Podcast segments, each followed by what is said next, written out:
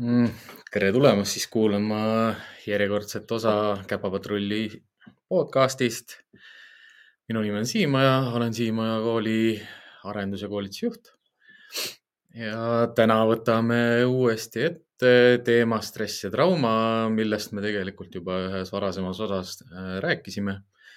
aga mul endale jäi see kripeldama mul on olnud nädala jooksul äh, täiendavalt selliseid küsimusi ja mõtteid selle osas just, äh, mis puudutab minu igapäevast praktikat siis koerte käitumise spetsialistina. noh, samal ajal ma kuulan äh, podcast'e selleteemalisi juurde ja, ja loen ka teadusartikleid ja üldiselt artikleid, mis on ka nii-öelda noh, minu jaoks populaarteaduslikud, aga nad on kättesaadavad igale ühele internetis vabalt ja põhiline põhjus siis, miks ma otsustasin teema juurde tagasi tulla, on see, et eelmine kord, kui me stressist rääkisime, siis me rääkisime üldiselt selles võtmes, et äh, kuidas siis erinevad stressikäitumised koertes välja näevad, kuidas neid leevendada ja, ja millised käitumismustrid on ja ka kuidas inimese käitumine võib kaasa aidata erinevatele stressikäitumiste tekkele ja miks üldiselt nagu stress ei kipu vähenema või, või siis teiselt poolt ka jah, seda, et, et kuidas, kuidas me saame stressi vähendada koertes ise oma käitumisega. ennem kui me teema juurde läheme, siis jah, nagu juba nüüd kombeks on vist, ma arvan viimased kümme, kümme osa vist äkki võib-olla kindlasti, et Karli Karl naudib suve, ma loodan. oleme kokku leppinud, et, et vestleme omavahel telefoni teel, ei ole siiamaani veel õnnestunud seda teha. küsimus ei olegi nii väga palju õnnestumises, küsimus on paljudes asjades nagu võib-olla mm, suuresti inimesed on tuttavad sellise asjaga nagu prost-, noh, asjade edasilükkamine et ideed ja mõtted on head, aga me lükkame neid enda jaoks edasi, sest eh, noh, täiskasvanud inimeste puhul on see kindlasti see, et me lihtsalt ei leia sellist ressurssi. ressurss on siis eh, noh, aeg, eh, vaimne energia, füüsiline energia ja nii edasi, tahtmine, julgemine, kättevõtmine, ettevõtmine ja nii edasi, nii edasi ehk siis jah, Karli hetkel veel me minu kõrval ei näe ei oska teile täpselt lubada ka, millal ja, ja kas te näete teda. ja selle mõttega selles osas lõpetaksin. millest ma tahaks võib-olla veel praegu kohe alguses rääkida, on, on see, et jätkuvalt tänaksin äh, meie toetajaid, äh, kes on lihtsalt fantastilised inimesed. tänu nendele fantastilistele inimestele saavad siis ka paljud teised äh, meie podcast'i või noh, edasi kuulata, edaspidi ka edasi vaadata. ma loodan, et meie tehnika ja, ja ka heli ja video kvaliteet paranevad tulevikus. võtaksin, kuna kuues kuu on käimas, võtaksin aasta algusest kuni tänaseni kokku siis äh, tulud, äh, mis on äh, meile toetajate poolt laekunud, et see on kokku siis kakssada kaheksakümmend viis eurot. sellest kahesaja kaheksakümne viiest eurost on meil jooksvad kulud selleks, et osasid salvestada, osade videot ja heli salvestada. kasutame selle jaoks StreamYardi programmi ja selle kuumaksed on siis kokku olnud kakssada nelikümmend viis eurot ehk siis hea uudis on see, et nelikümmend eurot on jääki. ja noh, meie jaoks nelikümmend eurot jääki oleks automaatselt kohe investeering siis millessegi, millega laiendada podcast'i kuulatavust ja nähtavust ja, ja leviala, kättesaadavust ja ehk siis selline plaan, mis edaspidiseks on, on siis see, et meie podcast hakkab olema kättesaadaval ka noh, hetkel on ta järelkuulatav, vaadatav Youtube'is. järele saab kuulata kõiki meie osasid Apple podcast'is. Äh, hea uudis Apple podcast'iga on ka see, et äh, eelmine nädal ma võtsin ühe asja kokku käsile, mida ma olen pikalt edasi lükanud, ehk siis ma laadisin kõik osad äh, alates jaanuarist kuni tänaseni tagantjärgi ülesse. ehk siis korraga läks kuskil neliteist, neliteist osa tuli, tuli ilmselt teavitus ka nendele, kes on Apple podcastides podcast'iga liitunud, et, et uus osa üles laetud, uus osa üles laetud eks noh, ta võtab ka nagu sellepärast natukene kaua aega, et seal on väga palju nii-öelda käsitööd, et ei ole veel automaatset niisugust süsteemi tekkinud ja noh, see arendus, mida me soovimegi nüüd selle üle üle, ülejäänud kasumiga teha, ongi see, et me laiendame siis podcast'i kättesaadavust äh, ka järgmine, no teistesse kanalitesse. kindlasti ta tuleb äh, Google podcast idesse, kui meil läheb hästi, siis Spotify'sse. ja ega äh, siin väga palju rohkem selliseid kanaleid ei ole, mida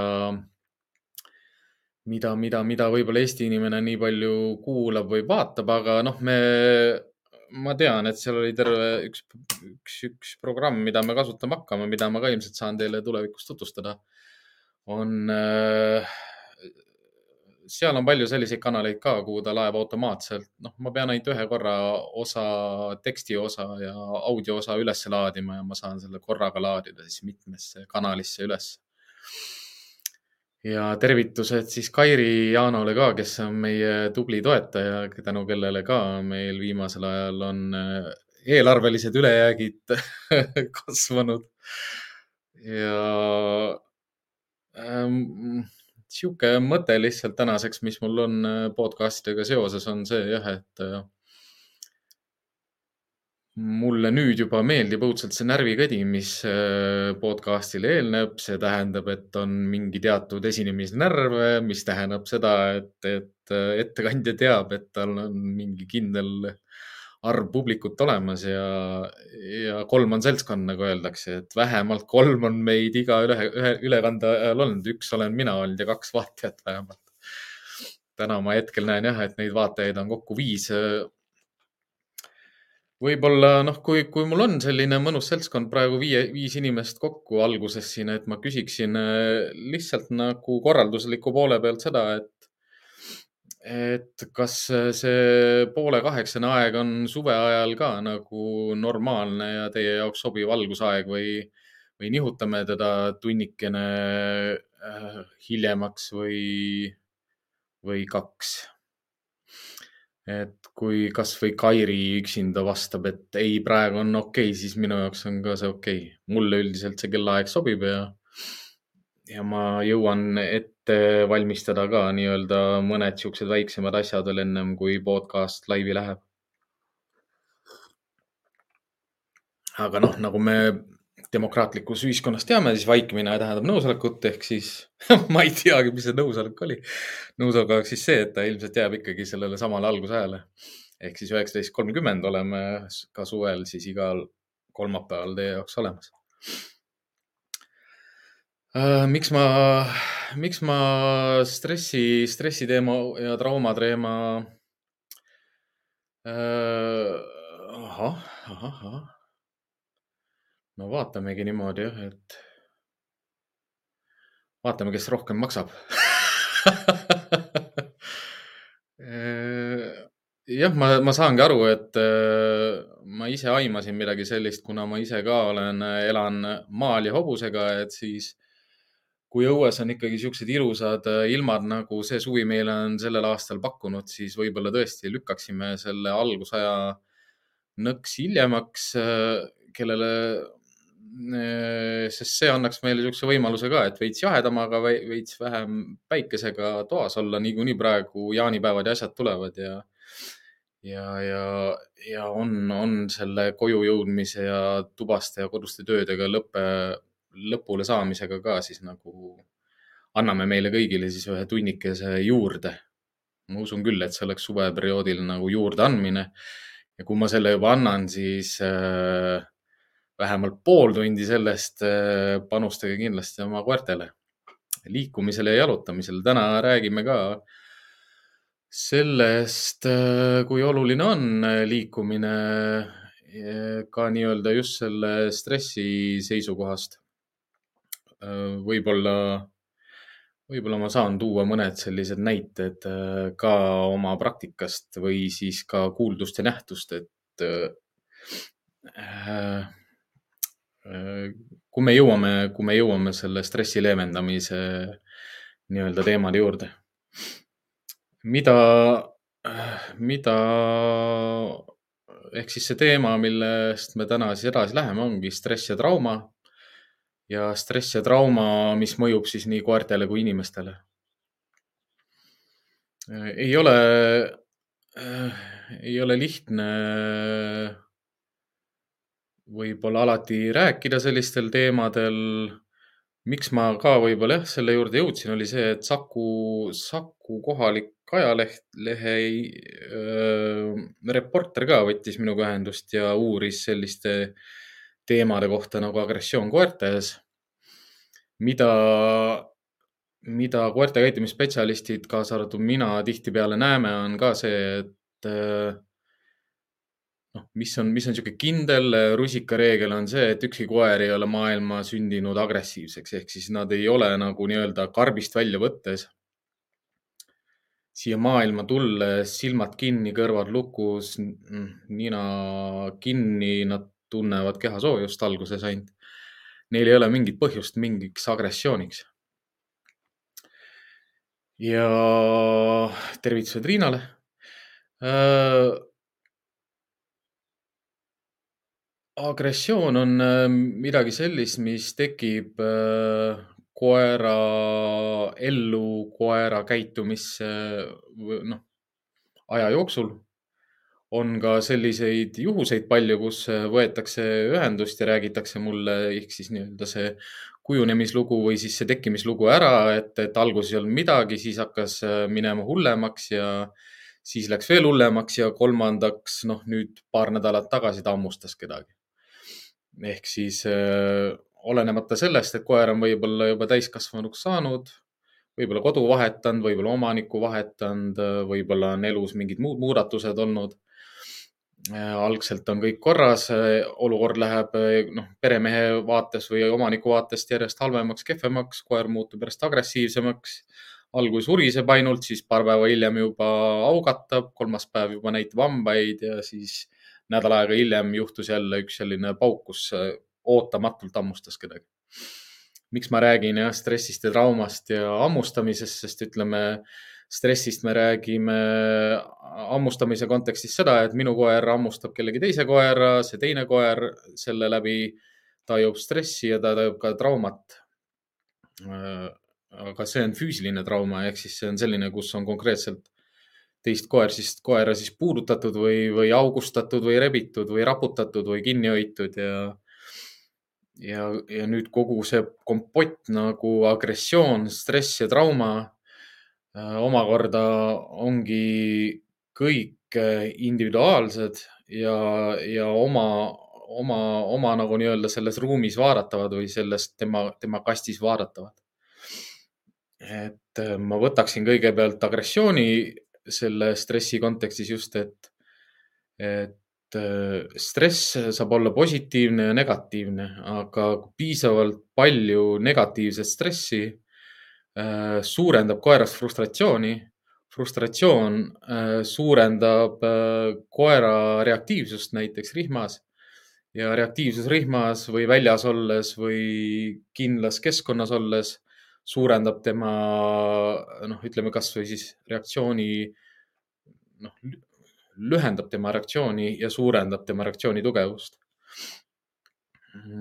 siis, kui me räägime samas kontekstis nagu trauma, trauma kontekstis, siis äh, koer, kes on äh, tajunud traumat või kogenud traumat mingis kindlas keskkonnas mingite kindlate ärrititega, siis ka tema reaktsioon sellele stressile võib olla samamoodi agressiooniga vastamine. Ja kui me mõtleme sellises kontekstis nagu äh, kogu see stress, trauma ja agressioon, mis kokku on, noh, ta ongi mm, kokku mitte ainult vaimne, vaimselt raske koerale või stressina nagu raske tema kehale või tema, tema reaktsioonile, vaid see, see füüsiliselt muudab koera aju suurust. et mida, mida uuringud ja teadlased on, noh, me järjest rohkem uurime koeri, me järjest rohkem tahame teada, me järjest äh, rohkem saame koerte kohta teada. ja koera ajus on siis selline, selline, noh, ma ei kasuta täna ühtegi sellist teaduslikku nimetust, ma seletan neid lihtsalt asukohtade järgi, ehk siis koera all, aju allosas on äh, selline osa, äh, mis hakkab konkreetselt füüsiliselt vähenema või vähe, noh, kahanema, kui ta, kui ta tajub, äh, kui ta peab kogema pikaajalist negatiivset stressi. keskaju või siis ajuosa, mis on aju keskel see, see muutub järjest rohkem vastuvõetavamaks või reaktiivsemaks hirmule, mis ongi koera ja üldse loomade selline hästi loomulik hirmureaktsioon. ehk siis noh, inglise keeles öeldaksegi selle kohta nagu fight flight, kas ta põgeneb või, või ründab. ehk siis see, see reaktsioon, mis on põgenem, ründab reaktsioon, see tugevneb ja, ja intensiivistub. ja siis on veel ajul üks Äh, eesosa ehk siis kogu aju eesosa, mis mõjutab siis seda suhtlemist äh, selle keskosa ja alumise osa vahel. ja kui see füüsiliselt aju, aju suurus nagu kahaneb, siis ta muudab ka seda suhtlust nende ajuosade vahel. ja kuidas me siis nagu selgitame seda koera käitumises, ongi see, et, äh, et stressist tingitud muutus, füüsiline muutus koera ajus mõjutab seda, kuidas ta reageerib väljapoole, kuidas ta reageerib teatud olukordades. ja, ja võib ju arvata, et, et see on tagasipöördumatu.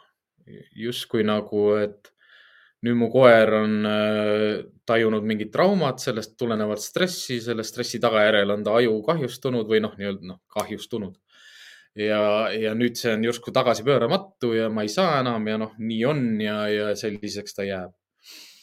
aga noh,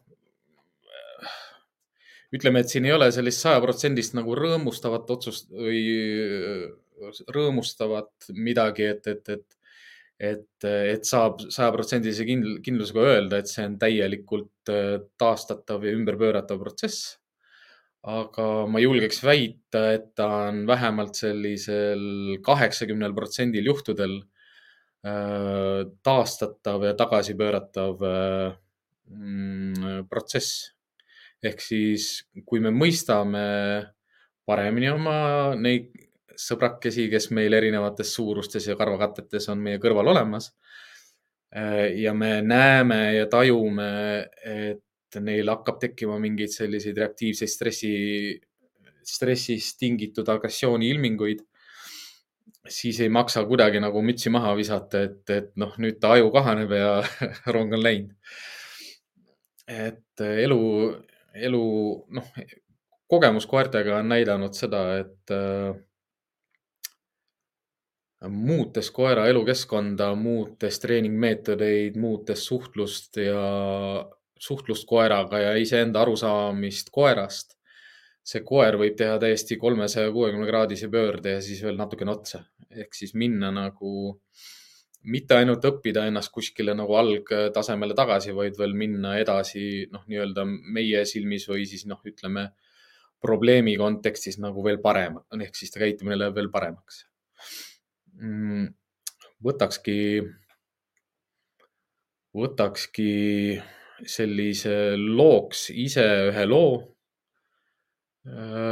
vastavalt oma isiklikule kogemusele erinevate koertega ja, ja, ja paneks selle sellises narratiivi vormis nagu kronoloogiliselt mingisse järjekorda, millest iga kuulaja võib teha mingeid järeldusi, mitte kuidagi kleepida seda oma koerale külge aga võib-olla leida seal mingeid tugipunkte, kui te olete oma koera käitumises märganud mingeid muutuseid, äh, mingid, äh, mingeid reaktiivsemaid käitumisi, mingeid agressiivsemaid käitumisi või lihtsalt ütleme, et see ju avaldub, noh, äh, kartus või stress avaldub ka hirmus. ehk siis ka noh, selline ebakindel käitumine, reaktiivne käitumine või vältiv käitumine, eba, noh, ikkagi ebakindel käitumine, hirmu, hirmunud käitumine. Ütlemegi, et see kontekst on lihtsalt selline, et äh, koer äh, elab korteris. see koer on äh, väikest kasvu, ütleme, ta on korgi, kardigan ja tal on sünnist saati olnud olemas kõik asjad, mida üldse üks koer vajab. palju mänguasju, süüa on piisavalt, magamiskohti on ohtralt. Äh, peres on kaks last, ema, isa, kes käib tööl. inimesed on tema ümber, teda on jäetud ka üksi, ta suudab väga hästi üksi olla aga, ja justkui kõik nagu tundub nagu õige ja korras ja, ja, ja mitte midagi halba ei ole ka koeraga juhtunud. Ehk siis mitte kunagi keegi ei ole teda hammustanud, mitte kunagi keegi ei ole teda rünnanud, mitte keegi inimestest ei ole talle kunagi liiga teinud, liigselt, ma ei tea, sikutanud, sakutanud, keeranud, kinni hoidnud. ma ei tea, noh Äh, rihmaga temaga niimoodi ringi käinud, et on äh, tugevalt kiskunud ja kiskunud ja või tal on olnud fleksi ja ta on korduvalt jooksnud fleksi lõppu ja saanud nagu korraliku siukse vopsaka sealt äh, fleksi rihma stopperi lõpust nagu. et mitte midagi sellist ei ole olnud. aga ütleme, et koer on juba sihuke noh, ütleme kuuekuune, kuue-seitsmekuune ja, ja omanik hakkab märkama et äh, koera käitumine muutub järjest rohkem äh, agressiivseks. agressioon seisneb selles, et ta ei luba kedagi oma pesa lähedale. ehk siis tal on kuskil, noh, ütleme elutoas, teleka kõrval, telekakapi kõrval on tal pesa, kus ta siis pikutab iga päev. ja nüüd, kui tõusta püsti ja käia sealt mööda, siis ta uriseb noh, sellest ei tehta nagu suurt, suurt mingit pilti, ta vaikselt turiseb seal. mõni aeg edasi lapsed jooksid toas ringi ja koer augatas ja võttis pesast ka paar sammu välja. et, et lapsi noh, nii-öelda korrale kutsuda. ja läheb veel kuskil kaks nädalat või kolm nädalat mööda ja juhtub olukord, kus lapsed lihtsalt mängivad seal põrandal maas ja, ja siis teatud asjaolude lange, kokkulangemise tõttu üks laps lihtsalt peab järsemalt haarama äh, palli järgi, mida, mida talle kaaslane viskas ja koer haarab käest kinni, hoiab käest kinni ha,, noh, hammustab, hoiab käest kinni ja laseb äh, siis alles lahti, kui, kui laps on korduvalt äh, häälega ta peale hüüdnud, et ai, ai, ai, lase lahti, ai, ai, sa teed haiget. ja, ja nüüd ongi see olukord, kus tihtipeale võetakse noh, mõne treeneriga ühendust, räägitakse tuttavaga, lehitsetakse raamatuid, otsitakse vastust internetist, püütakse Youtube'ist vastust leida ja ei suudeta endale ära seletada ja helistatakse mulle, noh, mulle kui käitumisspetsialistile ja räägitakse seesama lugu ära kus äh, inimese kontekstis on ju kõik ju super hästi olnud, et koeral ei ole ju millegist puudust. Ta ümber on armastavad inimesed, lapsed ja täiskasvanud. Neil on peres ka üks kass, kellega ta saab väga hästi läbi noh, ütleme sellist, sellist lugu on, on korduvalt ka olnud, et aga noh, kassiga ta ju, kassile ta ei tee ju midagi, nad isegi magavad koos et aga jah, ütleme nüüd lapse jammustada ja, ja seletad, räägitakse jälle kogu see lugu ära. et ikkagi täiesti arusaamatu, kuidas selline asi sai nüüd järsku juhtuda täiesti tühja koha pealt no,, nagu justkui mitte midagi ei ole ju mitte keegi teinud, et koer peaks selliselt käituma. Ja kui me nüüd kerime selle loo täiesti algusesse tagasi ja kui on vaja anda sihuke lihtne ja kiire ja kokkuvõttev vastus sellele, et miks koer lõpuks ikkagi muutus agressiivseks ja ründas lapsi, siis selle põhjus ongi stress. ja stress tekitab trauma, aga trauma on see aju kahanemine ehk siis füüsiline muudatus koera kehas, mis on stressist tingitud ja stress on tingitud sellest, et inimesed, kes on endale koera võtnud, ei ole aru saanud sellest, kelle nad võtsid mm, ja noh, jällegi rõhutan siinkohal seda, et, et, et ärge keegi vaadake nüüd oma koera või oma koeraga juhtunud just üks-ühele selle, selle teemaga seoses. aga ma seletan siis ära, mis on sellised asjaolud, mis koerale võivad tekitada stressi selliselt, et, et ta aju hakkab füüsiliselt muutuma ja mistõttu ta, temast tõuseb frustratsioon ja sellega seotult ka agressioon. ehk siis kui me koera oma perre toome, siis me peame mõistma seda, kuidas koerad mõistavad seda maailma, kus nad nüüd elama tulid. iga koer, kelle me oma maailma toome, on erineva pagasiga. mida tihtipeale siis seletada, ongi see, et, et olenemata sellest, mis tõugu või kui, mis kasvu see koer on, tal on äh, justkui nagu selline, selline salapärane müstiline pada, kust võetakse saagiinstinkti, karjainstinkti ja kaitseinstinkti niimoodi kulbiga, aga see, kes kulbiga paneb, see, see on natuke lohakas, aeg-ajalt pillab maha ja ja kümme samasugust korgid, kõik on erinevad, sest noh, ütleme, et see kulp on veel selline, et, et see, kes kulpi kasutab, selle käsi väriseb ja kulbis on äh, kolm auku ka veel sees, aga see oleneb sellest, mis nurga all sa kulpi hoiad. ehk siis tõenäosus, et, et sa saad kaks täpselt samasugust koera, on täiesti välistatud. nüüd selle korgiga mm, juhkud, juhtus niimoodi, et ta sai tegelikult päris hea doosi seda saagiinstinkti kulbist ja ta sai väga hea doosi seal kaitseinstinkti kulbist. Äh, noh, kaitseinstinkti kulbist just sellepärast, et ütleme korgi kontekstis ka, et minu jaoks ta on nagu pisikene saksa lambakoer et noh, kui te, kui kellelgi teil tek, tekib, kuna noh, ilmselt ei teki, ehk siis ma olen saanud töörata väga paljude saksa lambakoertega, ma olen saanud ka töörata väga paljude korgidega mm, populaarsed tõud kutsikakoolis olidki valdavalt korgid, Prantsuse bulldogid ja Jack Russellid.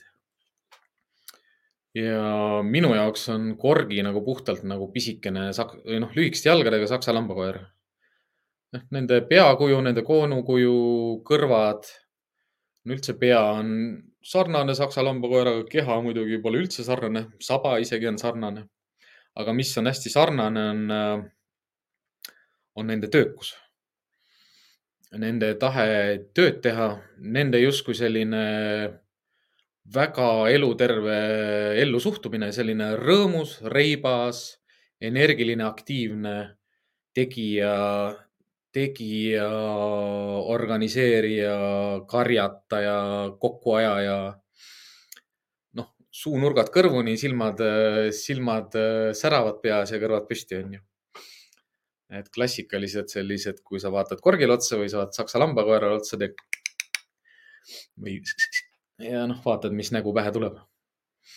ja nüüd äh, ütlemegi, et, et kuna see korgi, kes äh, sinna lastega perre sattus, oligi selline tugeva saagiinstinkti ja hea karjainstinktiga ja kaitseinstinktiga, siis äh, sellise koera, kellel on tugevad instinktid, tuleb jälgida kõiki noh, selliseid karja struktuuri aspekte äh, hoolega ja teadlikult.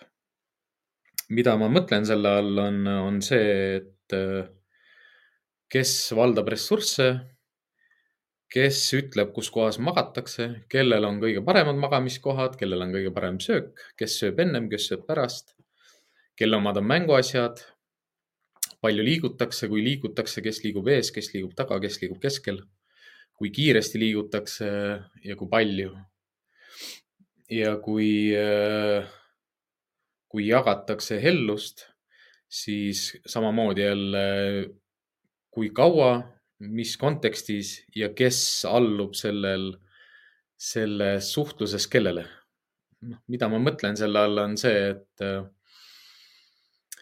kui koer tuleb ja ise hõõrub ja küsib, noh, lükkab, nügib, lükkab pea mu käe alla, et ma talle pai teeksin, siis mina ei ole see, kes alustas seda kontakti teistpidi või selline vastupidine kontakti või helluse pakkumine ongi see, et mina lähen ise koera juurde, keeran ta külili ja hakkan teda masseerima. ehk siis noh, seal ongi see vahe, just see kontakti vahe, mida me inimesena tegelikult koertelt vajame. noh, koera sügamine, masseerimine rahustab ka inimest. Noh, oleneb koerast aga üldiselt, kui mul on oma koer ja ma masseerin teda, siis see rahustab ka mind, sest see on niisugune mõnus mediteerimise aeg või selline mõnus koos hingamise aeg. ja nüüd, kui neid piire ei osata jälgida ja kuidas see siis välja näeb, oleks siis üldiselt see, et koer tuuakse koju. talle on muretsetud mänguasjad, talle on muretsetud mingi üks või kaks pesa, üks on hästi pehme, suur ja karvane, maksis kaheksakümmend viis eurot ja lapsed tahavad selle koeraga esimesest päevast alates koos voodis magada ehk siis ta võetakse, võetakse koos äh, magamistuppa kaasa iga öö ja, ja koer magab koos lastega lastevoodis. see, mis jääb kõik äh, märkamata selle juures ongi see, et äh, koerad ei vaja sellist hellust, nagu inimesed arvavad, et koerad hellust vajavad ja koerad ei saa omada selliseid magamiskohti selliste privileegidena äh, nagu inimesed või noh, ma ei ütlegi inimesed, ütleme, koeral võib olla veel vägevam voodi kui inimestel, vähemalt noh, koera, koera perspektiivist. ehk siis lapsed ja ka lastevanemad hakkavad kaotama äh, juba alguses, esimestel elukuudel koera silmis seda positsiooni karjas, kus nad äh, kus nad äh, reguleerivad seda ressurssi, mis on siis parim magamiskoht või, või üldse koht, kus magada või üldse kohad, kus võib käia. ja noh, inimesele niimoodi märkamatult ei pruugi see silma jääda, et seal midagi valesti on. Koer tõenäoliselt äh, ka talub selle ära, sest üldjuhtudel ta on sunnitud olukorras, sest ta lihtsalt pannakse nendesse olukordadesse ja, ja kuna inimesed näitavad ennast madalast ja nõrgast positsioonist, siis see koer ka lepib selle olukorraga, et noh, kui teie ei suuda mind kaitsta ja mulle struktuuri ja korda paik pakkuda, siis noh, ma teen selle halvimaga kõige paremat, mida ma suudan, ehk siis ta võtab selle positsiooni endale. Ähm, mida me muidugi kõrvalt ei näe või nii-öelda läbinähtavalt ei näe, on see, et see koer sündis karja tagumiseks liikmeks ja tema juhi positsioonile panemine tekitab talle tahtmatut stressi, positiivset stressi, mis mõjutab tema arengut, aju arengut ja aju kujunemist. sest kõrvaltvaatajana see paistab kõik ilus ja tore. koeral on ju kõik olemas, koer saab magada rahulikult ja ta on ka rõõmus. nüüd ma räägin kiiresti selle rõõmsa teemaga ära ehk siis koerad ei ole rõõmsad nagu kontekstis, et inimesed on õnnelikud. koerad on äh, erutunud ja erutunud koer paistab ka rõõmus välja, aga erutus samamoodi ei ole alati positiivne. sest äh, noh, ütleme jah, et, et koerte puhul selline rõõmus inimeste vastuvõtmine, kus nad on õnnelikud ja liputavad saba ja hüppavad ülesse on iseenesest justkui nagu positiivne stress. aga pikas perspektiivis on ta ikkagi stress ja see lisandub sellele kogu sellele potile, mis praeguses olukorras on siis see, et koer magab lastega ühes voodis ja koer magab ja koer liigub korteris või ruumis ringi seal, kus ta tahab, millal ta tahab, kus ta tahab ja noh, see stressipott ongi seotud selle magamiskohaga. järgmine stressipott, mis äh, tuleb käiku, on äh, mänguasjad, mis on kutsikale ostetud, mis on tal vabalt kättesaadavad äh, mööda tuba laiali. Aeg-ajalt inimesed korjavad neid kokku ja panevad ühte kohta, noh, mingi kast näiteks või mingi sihuke, tavaliselt on sellised pehmed korvikesed kuskil nurgas ja korjatakse need mänguasjad kõik sinna korvi sisse kokku ja siis koer jälle võtab ja tassib laiali. või siis viib inimeste kätte ja ütleb, et noh, viska mulle, mängi minuga. ja jälle kõik on ju ilus ja tore, sellepärast et äh, koer mängib lastega, koer mängib täiskasvanutega kui sa viskad talle mingi mänguasja, siis ta kolm korda toob sulle seda tagasi, neljas ja viies kord enam ei too, aga noh, ju ta on väsinud. noh, mida me jälle märkamatult ei märka, on see, et äh, koeral tekib äh, motivatsioon nende mänguasjade vastu, sest nendega saab inimestega koos mängida. aga kuna inimene ei ole see, kes alustab mängu ja inimene ei ole see, kes, äh, kes omab neid mänguasju, siis koeral võib väheneda huvi mõndade mänguasjade vastu, aga ka kasvada osaline huvi osade mänguasjade vastu. ja lõpuks ongi niisugune pudru ja kapsad, kus koer siis, kui ta viitsib, siis ta mängib, kui ta ei viitsi, siis ta ei mängi vahest ta kuulab sõna, vahest ta ei kuula sõna. ja, ja lõppkokkuvõttes inimesed jälle ei näe seda, et koera stressitase, ütleme jälle positiivse stressitase kasvab, kuna, kuna ta ei saa aru, miks osad asjad on äh, lubatud, miks osad asjad ei ole lubatud, miks vahepeal võib võtta, miks vahepeal ei või võtta miks aeg-ajalt nad mängivad minuga, teinekord nad ei tee mind märkamagi, noh, ma pean isegi haukuma või niuksuma või, või urisema kergelt, et nad mind tähele paneksid. ja isegi sellises kohas, noh, ta viskab mul paar korda, aga siis me lõpetame jälle mängu ära. Ja, ja koera, noh, ütleme korgide puhul ja saksa lambakoerte puhul on ka suur oht sellega, et nad äh, hakkavad omastama mida me omastamise all mõtleme, ongi see, et äh, kui koer midagi saab, siis ta võtab selle endale ja kuna see tihtipeale koera anatoomia on lihtsalt selline, et ta paneb käppasid asjadele peale ja noh, siis närib asju.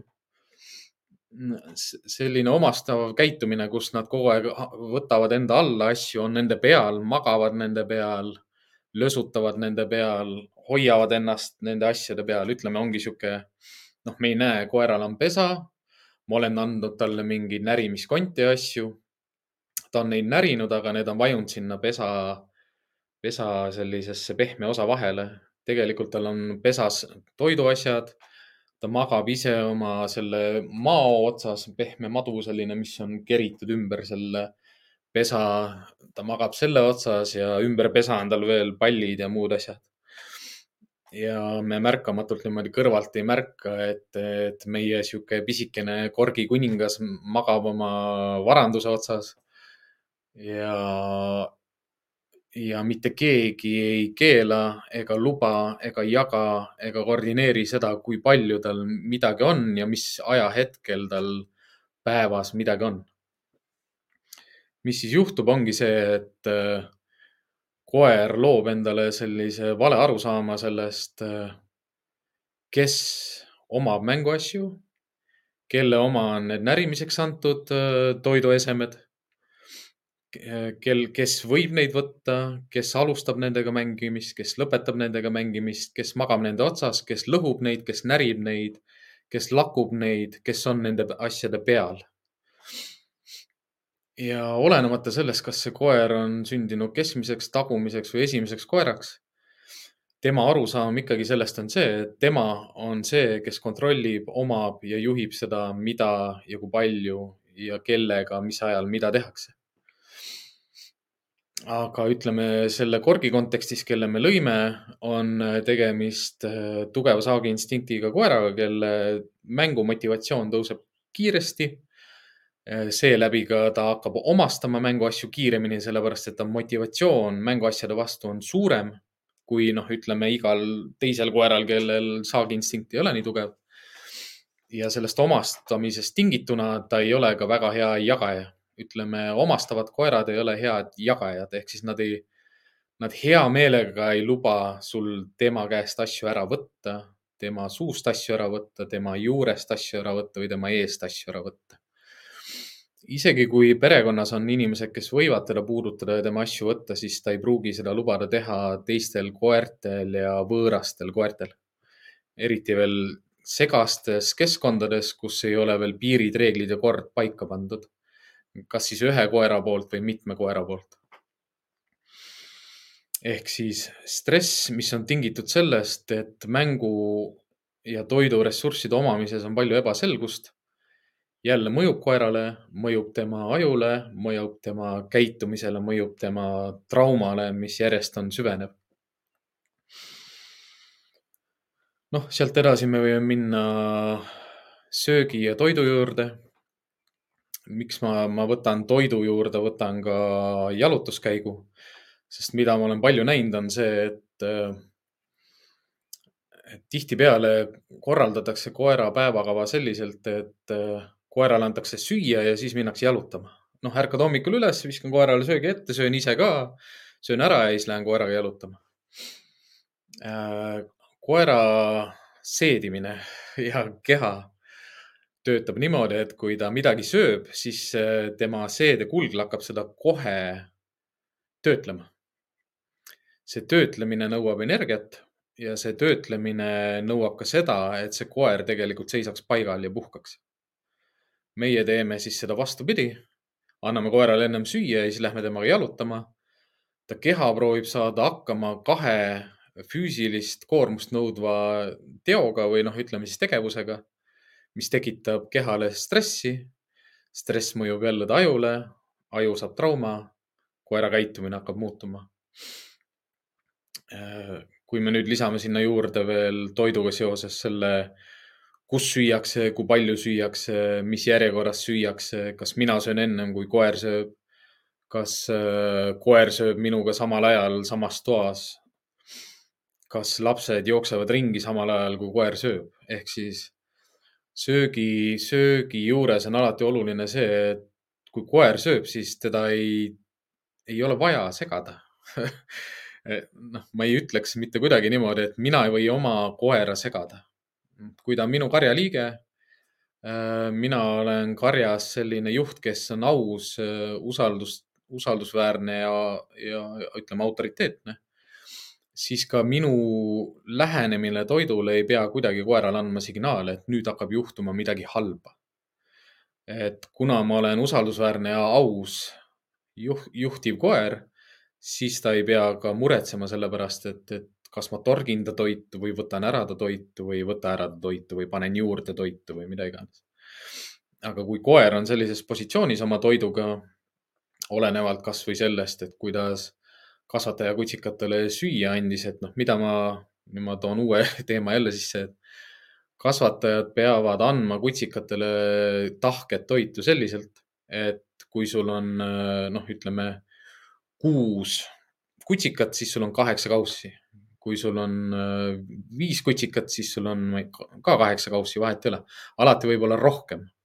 ja söömist peaks kutsikate puhul jälgima, et selle juba selles eas ei tekiks seda seda kaklemist toidu üle, kes saab rohkem, kes ei saa rohkem. noh, hea, kui nad selle oskuse, nad saavad selle oskuse niikuinii oma karjakaaslastega mängides kätte, et kuidas, kuidas sotsiaalselt suhelda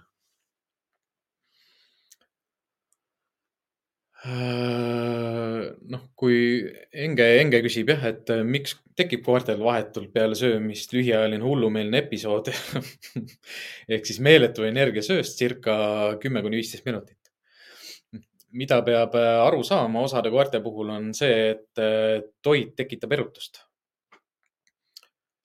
Äh, osade koerte puhul tuleb aru saada sellest, et äh, sõna lähme õue tekitab erutust. osade koerte puhul tuleb aru saada sellest, et auto ukse avamine tekitab erutust. Osade koerte puhul äh, vihmavarju avamine tekitab erutust. kui, kui toiduga, toiduga ei ole seostatud rahunemist, noh, siis ka, siis ka koerad kugistavad toitu. kui nad nüüd äh, süües suruvad mingi, mingi instinkti alla, ehk siis nad teavad, et ma pean rahulikult sööma kohe, kui ma saan söödud, siis on pidu ehk siis see meeletu energia võibki tulla lihtsalt sellest, et see toit tekitab erutust või siis noh, ütlemegi noh, niimoodi nagu inimkontekstis nagu rõõmu. koer muutub rõõmsaks, aga erutus söömisel ei pruugi tekkida sellest, et talle meeldib süüa vaid erutus söömisel võib tekkida ka sellest, et ta sööbki kiiresti või siis kiirustad ees. las ma mõtlen, kuhu mul see mõte praegu jäi. ehk siis seal on alati kaks suunda nagu. üks asi see, et see on tore ja meeldiv ja teine asi on see, et, et ma pean kiiresti ära sööma. ehk siis läheb nagu selline kiirustamine ka sinna sisse ja see kiirustamine ei pruugi olla selline, et ta, et ta ahnitseb selle toidu kümne tõmbega tõmbab sisse, vaid see võib olla ka selline, et ta sööb tükkhaaval selle kõik toidu ära. aga terve see aeg on äh, noh, klassikaliselt tingitud või jah, klassikaliselt tingitud selline õpitud käitumine selline, et, äh, et iga tükiga ma lisan, lisan või hoian siis seda erutust üleval. aga ma veel ei vabasta ennast. noh, konteksti, noh, just tuleb väga palju selliseid äh, koerte koolitamise, noh, ütleme, kui me professionaalselt koolitame koeri markeerima mingeid esemeid, siis ega alguses nad, nad ei näita pikalt, nad tahavad kõik ära tulla, aga, aga nad tahavad ära tulla sellepärast, et nad ootavad preemiat. või siis noh, erutus tekib seal, tekitab selle, et ta tuleb ära. Aga mida kau-, mida kauem nad hoiavad seda keskendumist, seda suurem võib olla see plahvatamine sealt ära nüüd äh, ütleme, Enge, sinu koera puhul äh, arvestades tõugu ka äh, töötavad koerad, tugev, hea meelega pikalt töötavad koerad ongi selleks aretatud, et olla vastupidavad, kestvad ja kiired. Leiavad oma elus selliseid väljundeid, kuhu seda energiat kulutada ehk siis, kui ta, kui ta päeva, päeva lõikes ei ole saanud seda energiat, mida ta tahab kulutada, nagu panna, panna kuluna mingite kindlate asjade alla. ja ta teab, et ta söömi, pärast söömist saab selle ära kulutada. siis ta võibki selle lihtsalt liigutada, noh, ise paigutada sinna söögi lõppu miks see niimoodi tekkinud on, on tõenäoliselt sellepärast, kuidas, milline, kuidas on süüa antud. ehk siis see võib el, koera elu jooksul olla ka selline, et, äh, et ma paar aastat olen teinud niimoodi, et ma iga kord kutsun koera sööma, kui ma, kui ma sööki valmis teen. mida ma tähele ei pane, on see, et ma häälega tegelikult tõstan erutuse ülesse ja ma panen kausi maha hetkel, kui tegelikult koer ei ole rahulik osad koerad isegi ei liputa saba, kui nad on erutunud, sest nad hoiavad seda saba paigal. aga nad on ikkagi erutunud ja ma ei märka seda ja ma laen kogu aeg seda erutust tegelikult üle. kuni lõpuks äh, ma olen suutnud selle söögi rituaali või söömise või söötmise rituaali õpetada koerale selliseks, et tõmba ennast käima ei, ta on naljakas mõte, aga mind, mind ennast ei segaks väga selline tohutu ringi suumimine. aga lihtsalt need siuksed leevendavad meetodid, meetmed, mis ma sisse paneksin, oleks kindlasti ka, ka sellised söömis, koossöömised, noh, mõnes mõttes, noh, ma nimetaks seda koossöömiseks. ehk siis ma annan talle käest süüa niimoodi, et mul on kauss käes. ma annan talle süüa ja kohe, kui ma näen, et, et ta, et ma näen, et hakkab erutuma, see noh, hakkab natukene kiiremini sööma ja, ja rohkem ilastama, kohe võtan selle kausi ära. ootan, kuni ta rahuneb maha ja siis luban tal uuesti süüa. ja ma ei teekski seda otseselt, noh, kui me räägime praegu sellest õppimisest ja ümberõppimisest ja aju kujunemisest ja stressi kujunemisest, siis see on jälle hästi pikk protsess. ja ma ei julgeks nagu mitte kellelegi öelda mingit kindlat aega, et kui kaua sa seda tegema pead, et talle õpetada rahunemist ja kas ta üldse õpib kunagi rahunemise täielikult ära, aga see kindlasti leevendab, leevendab tema söö, söömise erutust. noh, üks variant on lihtsalt see ka, et anda talle süüa lihtsalt äh, kõrgemalt ehk siis, et ta ei sööks kuidas ma, kuidas ma seletan niimoodi, oot, ma ei tea, kauss äh,. sööma hakkab, kui lubatakse, samas on ta näiteks üpris rahulik, aga kõik. ja no see ongi see, et ärge, ärge tehke seda harjutust, et oota. see on, see on kõige, see ei ole nagu selline levinud probleem nagu kõikide koertega, aga koertega, kes on töötahtelised ja energilised, nendega mina ei teeks seda harjutust, et oota noh, ennem ei võta, kui ma luban. sest see on nagu, see on nagu tiku, tiku bensiinipaaki viskamine. sest natuke läheb aega, enne kui tuli välja lööb. ehk siis ei, ei tasu koertele sellist justkui nagu trigger'it või sellist sütikut sisse õpetada. mida, mida nendega tulebki teha, on see, et sa paned lihtsalt kausi maha ja lähed ära, ei ütle midagi. mis on sellega mure, on muidugi see, et jah, mul oli Oiul, Oiul pikalt üks Itaalia veekoer. ma samamoodi ei, ma teadsin, et tal on see oota sees, aga ta oli nii elektriänes, et ma teadsin, ma pean seda maha hakkama laadima. Ja ma paningi talle kausi maha ja ma ei luba, noh, ma ei teadnud, et, et ta omanik on talle õpetanud ootama. ma läksin kööki süüa tegema ja teen süüa seal ja tulen mingi hetk koridori tagasi ja koer ikka ootab samamoodi, ila tilgub, aga maast toitu ei võta. ma, toidu ma viskasin niimoodi koridoril lihtsalt laiali maha. ja ta istus nende klibu keskel seal ja ootas, millal lubatakse. Ja ma lõhkusin selle, ma lõhkusin selle niimoodi ära, et ma lihtsalt kehakeelega näitasin talle, et ta, et ma hakkan sööma, et ta võib ka süüa ja ja alguses nad on sellised natukene ebalevad, et kas võib sööma hakata, aga noh, see julgus, see julgus kasvab ikkagi aja, aja, ajapikku sinna, sinna sisse, et ta julgeb kohe võtta, kui, kui, kui ma kausi maha panen. sest see ei, see ei ole hea domineerimise selline, see ei ole hea, üldse noh, ärge domineerige see on nii tobe, see on, see on hea, see on nagu see on midagi, mida meile õpetatakse ja mida me nagu tahame teha, sest see ka, see kõige lihtsamini õpetatav asi koerale.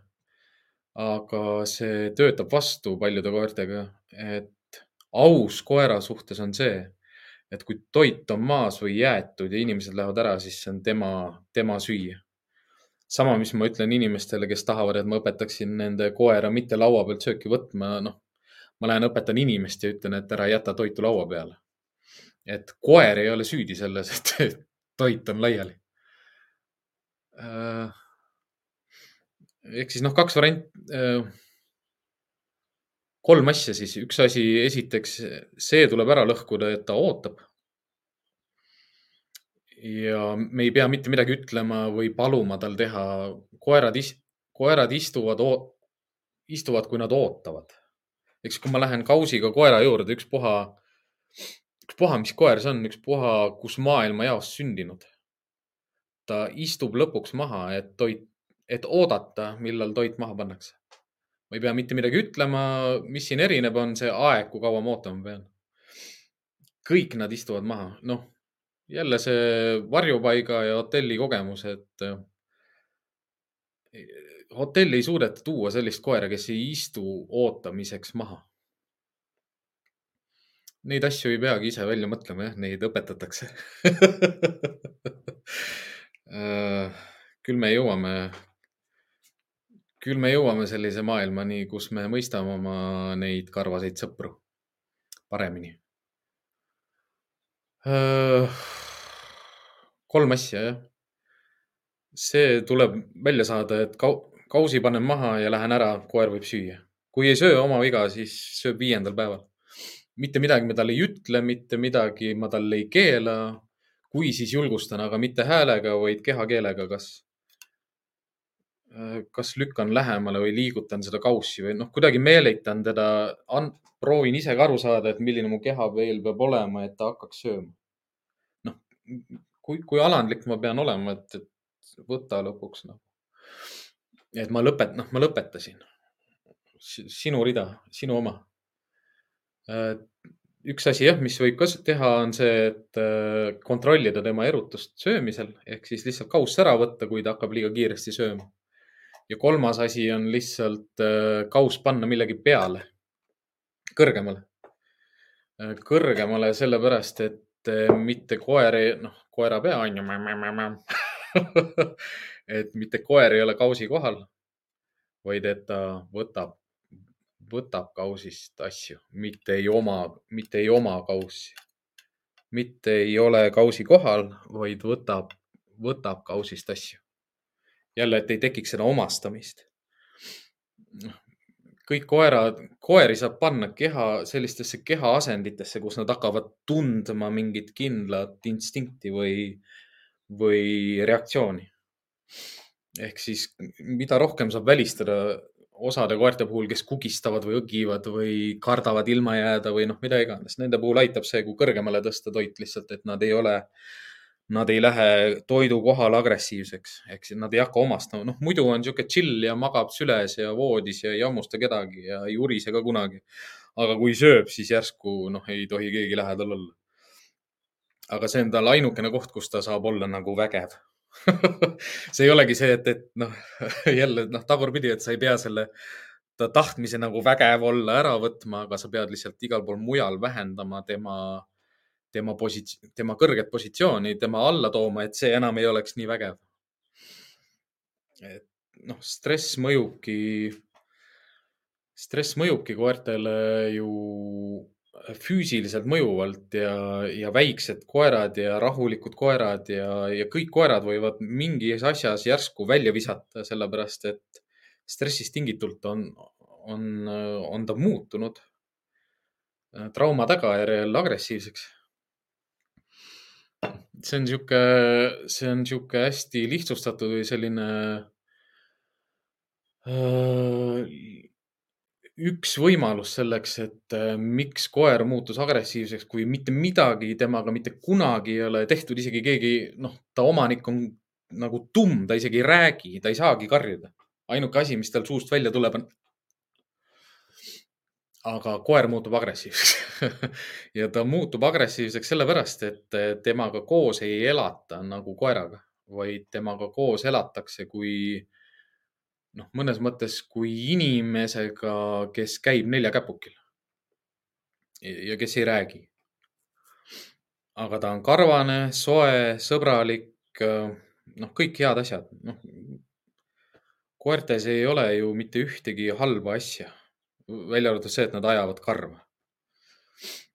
jah, ma ei tea, kui halb, no ikka päris kehva, noh, osad koerad ajavad ikka väga palju karva.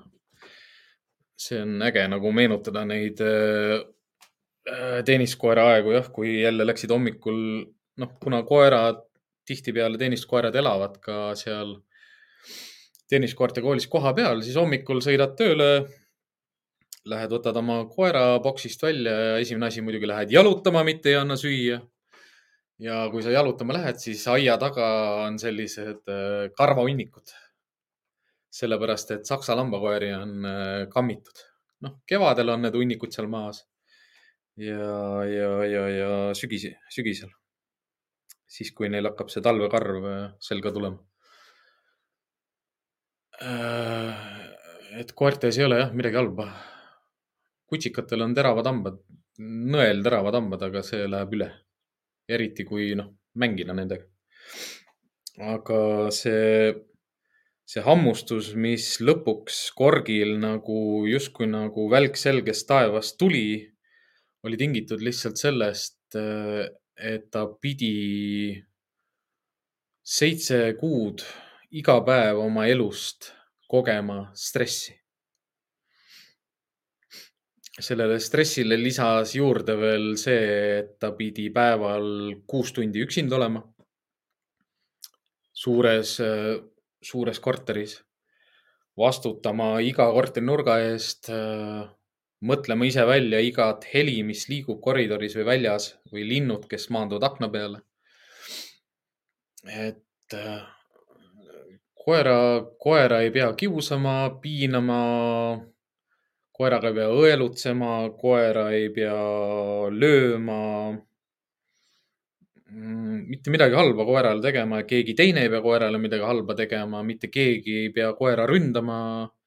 isegi lapsed olid sellised, et noh, nad olid suuremad juba, nad olid seitsme-kaheksa aastased, ütleme, et sellised kolme-nelja-aastased lapsed võivad koerale päris palju haiget teha. sest neil on see oidipuse sündroom või see arenguetapp, kus nad äh, hakkavad lööma ja, ja sakutama. Nad, eh, lapsed ei ole ka pahad aga nad teevad seda. ja koerad jäävad tihtipeale ette. noh, ongi, noh, nüüd ongi jälle see, et osad koerad kannatavad selle ära, osad ei kannata, aga see korgi näiteks, noh, temaga ei juhtunud seda ka aga tema agressiooni põhjustas kõik muu, mis ei olnud ei, ei ründav ega valvustav ega pahandav ega pahatahtlik tema suhtes, aga oli pahatahtlik, ütleme tema kui koera suhtes ehk siis etoloogiliselt loom, koer, kelle suhtes ollakse ebaaus, sellepärast et tal ei ole piirireegleid korda ja ta ei tea, mida ta võib teha, mida ta ei või teha kes, kes on sõber, kes ei ole sõber, kus me käime, kus me ei käi, mida me teeme, mida me ei tee. kelle, noh, kas ma pean muretsema endale ise süüa, mänguasju ja sotsiaalseid suhteid või neid tagatakse mulle piisavas koguses ja ausalt. ja koer on, koer on rahulikum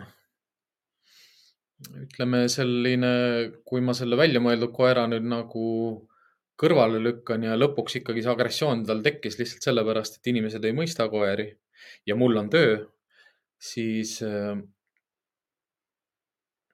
kui ma sain oma teise teenistuskoera, siis ma läksin talle järgi, kui ta oli kuuenädalane.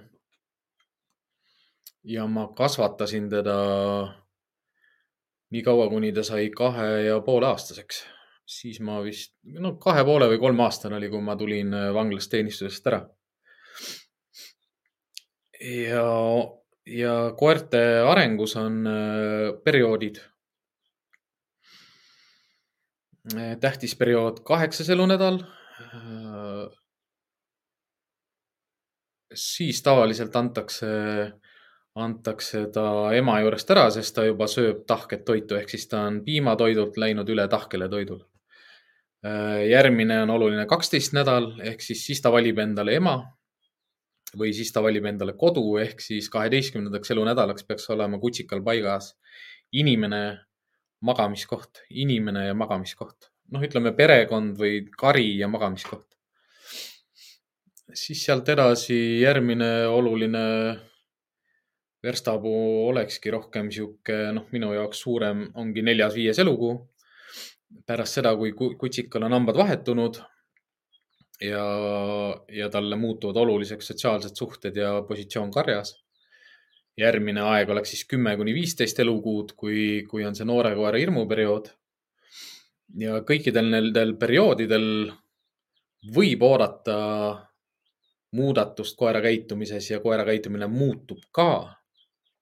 aga sa saad ka tugevate instinktidega targa, kiire ja instinkt, tugeva instinktiga koera kasvatada selliselt üles, et need eluperioodid mööduvad märkamatult. ehk siis justkui nagu ma tean, et ta sai suuremaks, ma tean, et see tuleb.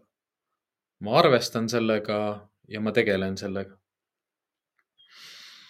ja üldiselt, äh, kui, kui nüüd ongi sellised olukorrad kus me oleme jõudnud sellisesse koera arenguetappi vastavalt sellele, milline ta see, kuidas ta elu on kujunenud, isegi ütleme, et kui sinna sisse on isegi jäänud selliseid perioode, kus inimesed võib-olla sakutasid teda, ütleme väiksemad lapsed või, või perest keegi mees või naine. lihtsalt sellepärast, et üks päev äh, sai kõrini. noh, me kõik oleme inimesed me kõik oleme lihast, luust ja loodusest ja võib väga kergelt ära flip ida osade, noh, te ei kujuta ettegi. Äh, ma arvan, noh, inimmaailmast ei saa sellist paralleeli tuua, kui, kui äh, ma ei ütleks nagu kui tüütu, vaid kui selline järjepidevalt äh, järjepidevalt, kuidas nüüd öelda, nagu kaabakas või järjepidevalt selline nagu, ta ei ole tüütu, ta on nagu vastik, ta on nagu järjepidevalt nagu justkui nagu pahatahtlik, aga, aga tuleb lihtsalt endale meelde tuletada, et ta on koer ta, ta ei mõtle samamoodi nagu, ma ei tea, mingi tüütu inimene või, või noh, nagu, nagu, nagu häiriv inimene ja flipib ära ja, ja kas lööd koera, viskad koera, lükkad koera, tõmbad koera, sakutad koera, mida iganes. Ja siukseid traumasid nagu koguneb ja sai veel koertepargis sai hammustada ja nüüd ta vihkab kõiki valgeid karvaseid koeri. ja, ja me hakkamegi koguma neid lugusid endale ja räägimegi neid lugusid kogu aeg ja, ja tegelikult seal ei ole nagu vahet, et kas, kas mulle helistab see korgiomanik või mulle helistab äh, keegi, kel, kel kelle noh, tema enda koer ründas tema enda pereliiget. See, ütleme, see tegevused ja tegevusplaan on, on mõlema koera puhul täpselt sama. et äh, käitumise, käitumise muudatustest me rääkisime ka ühes varasemas osas. selle te leiate ka äh, Youtube'is üles, aga ma lühidalt võtan selle kokku. ehk siis mina ei saa käitumisspetsialistina mitte kunagi taaslavastada iseenda jaoks seda, mis selle koeraga on tema seitsme elukuu või seitsme eluaasta jooksul temaga toimunud, mis ta on õppinud, mis temaga on juhtunud, miks tal need armid näos on, miks ta vasakut jalga lonkab. mina ei saa neid mitte kuidagi oma teadmistes taas luua. Ja minu jaoks iga koer on nagu puhas leht. Ja, ja pääsetee sellest äh, agressioonist või traumast või stressist on alati olemas.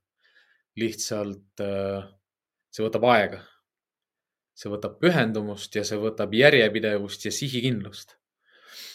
ja nüüd ongi see, siit tuleb see, miks ma ütlesin, et, et iga selline olukord, mis on tingitud stressist, traumast või agressioonist, on lahendatav umbes kaheksakümnel protsendil juhtudel ongi sellepärast, et äh, selles võrrandis on sees inimene. et kui selles võrrandis oleks sees ainult koer ja tema maailm, siis on see paranemine sajaprotsendiline, võib-olla sada kümme. aga kuna seal võrrandis on alati sees inimene ja me ei ole koerad ja me ei ole loomad, siis me ei saa ka tagada selle, et me stressist tingitud trauma saame koera jaoks leevendada sajaprotsendiliselt. ja miks see äh,, miks see muutuja sinna sisse jääb, ongi sellepärast, et äh, inimesed ei unusta, inimesed ei suuda unustada et isegi kui ma õpin, et ole rahulik ja tutvusta distantsilt, liigu rohkem, käi pikalt, tekita usaldust, muuda majandamist, tõsta asju korteris ümber. muretse koerale kõr kõrgendatud äh, toitumisalus, muretse koerale aeglaselt söömise matt. pane mänguasjad ära, ära luba teda enam diivanile, ära maga enam temaga koos ühes voodis. aga ikka see muudatus ei paista minu jaoks nagu noh, ta on, ta on juba viiskümmend, viiskümmend viis, kuuskümmend protsenti juba peaaegu kohal, aga ikka veel ei jõua kohale siis see põhjus reeglina ongi inimeses endas, ehk siis inimene ei suuda unustada. inimene ei lõpeta selle loo rääkimist. inimene kogu aeg tuletab seda meelde. ja mida me inimestena ei suuda teha, on äh, juhtida oma peen ja raske motoorikat teadlikult kõikides olukordades alati ehk siis seal ongi nagu see miinuskoht on see, et äh, me ei tea, et me seda teeme. aga koer teab. ehk siis meie ei tea, et me neid signaale jagame, aga koer loeb neid signaale ja sellepärast ei saa me panna seda lõppu, noh, paika. kas see on nelikümmend protsenti, kolmkümmend protsenti, kakskümmend protsenti, kümme, viimane viis protsenti, väike nõks veel on, on alati inimeses kinni, see ei ole koeras kinni. sest närvirakud äh, närvirakud uuenevad ja taastuvad kogu aeg, nii kaua, kuni selle elusolendi elulõng lihtsalt lõpeb ära, kuni sinnamaani närvirakud värskendavad ja uuendavad ennast kogu aeg, et äh, see, see alumine sagar võib, võib taastuda, aga ta taastubki vastavalt sellele, milline on koera elukeskkond. seda ei saa mõjutada, noh, ma ei tea, tablette anda et sellepärast ka ma ei, ma ei usu mitte milli, mingitesse ravimitesse, mis aitavad koertel paraneda. et paraneda aitab ikkagi inimeste käitumine ja tegutsemine. et stress võib ting-, stressist tingitud trauma võib tekkida täiesti lihtsatest asjadest. stress võib tekkida ka trauma tagajärjel ja, ja põhjustada käitumishäireid. aga olenemata sellest koerad on loomad, kes elavad hetkes ja soovivad kogu aeg liikuda edasi ja soovivad olla tasakaalus. ja me suudame koertele seda tasakaalu ja edasiliikumist pakkuda. nüüd jah, see seda on nagu lihtne öelda, aga ma tean, kui keeruline see osade koerte kontekstis võib olla või noh, ütleme osade koerte elus, elusolus ja, ja, ja, ja majandamises. aga tihtipeale on selliseid päästerõngaid ja võimalusi, lihtsalt me ei ole ise veel nende peale mõelnud. ja noh, kõige, kõige parem selline leevendusmeetod stressile ongi ikkagi liikumine Äh, struktureeritud, rahulik, äh, planeeritud, korraldatud äh, liikumine. liikumine võib olla ujumine, võib olla rattasõit, võib olla rulluisusõit, võib olla jooksmine, võib olla jalutamine, võib olla nuuskimine pargis. et tuleb lihtsalt muuta seda suhet, millal koer on, kui palju koer on stressis ja kui palju koer on rahul või tasakaalus. ehk siis suurendada seda tasakaalus oldud aega et kui me stressis lõhume, lõhume seda rahulolu, siis tasakaalus me kasvatame seda rahulolu. ja noh, lootus on ikkagi üks päev, et me murrame selle mäetipu ehk siis, kus me jõuame sealt negatiivsest stressist positiivse stressi poole ja hakkame kasvatama rohkem seda, seda kõike head, mis koera elus on. ja tänu sellele ka tema psüühika ja käitumine paraneb, sellepärast lihtsalt ütleme, ongi nende ajuosade vaheline suhtlus on taastatud. see ei ole enam nii reaktiivne ja kiire ja ärritunud. ja noh, võibki öelda niimoodi justkui, et ta rahuneb maha. ta rahuneb maha, ta jahtub maha, ta jääbki rahulikumaks lihtsalt.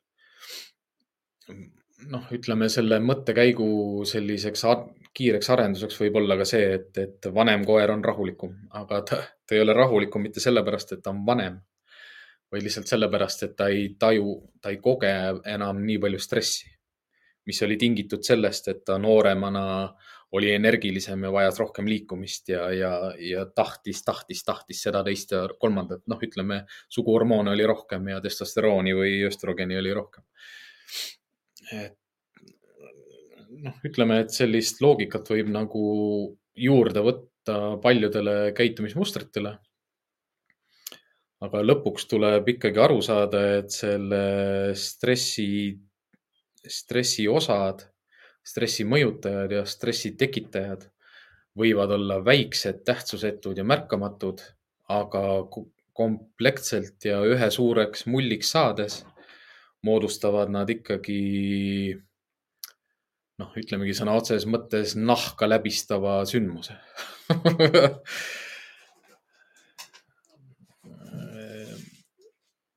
et see on, see on oluline mõista stressi puhul mitte ainult nagu neid äh, võtteid ja leevendavaid meetodeid, vaid ka mõista seda, mida stress äh, võib äh, koerale tekitada. ja kuidas trauma ja stress mõjub koera käitumisele kuni agressiivsete käitumisteni välja ja noh, väga noh, selliseid koeri on, kes äh, taluvad stressi väga hästi. aga kui sa näed seda, siis, siis see inimene ei suuda enam seda kõrvalt vaadata. et noh, tulebki olla alati ettevaatlik nagu see, et, et mida sa soovid ja kus sa oma oskusi soovid nagu parandada. Ma aeg-ajalt olen ikkagi jõudnud öö, oma praktikas ka selliste öö, mõtete ja, ja, ja käitumismustriteni, kus ma saan aru, et, et ma olen vist ainukene et ma olen vist ainukene maailmas, kes on, kes on nii kriitiline koera käitumise suhtes ja selle suhtes oma käitumist nagu mõjutades või muutes või hoides. ja see on kõik tänu, tänu inimestele, kes on mind usaldanud ja aidanud ja mind oma koju lubanud. et suur, suur, suur, suur aitäh ja tänu kõigile.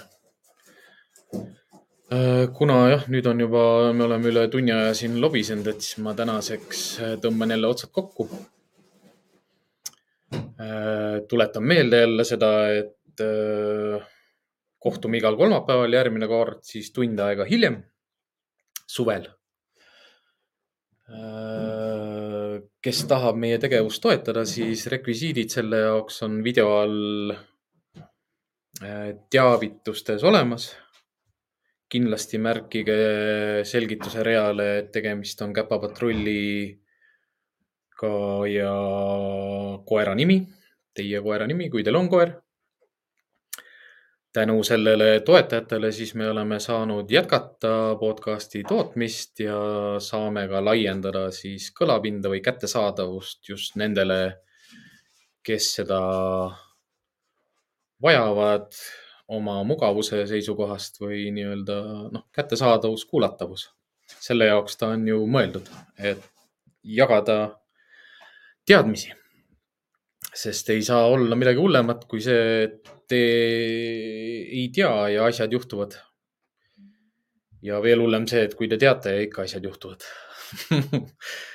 ja noh, nii nagu meil podcast'i motoks on, et teadmatus ei ole lollus. kohtume nädala pärast, tund aega hiljem kui tavaliselt. kõike head, ilusat suve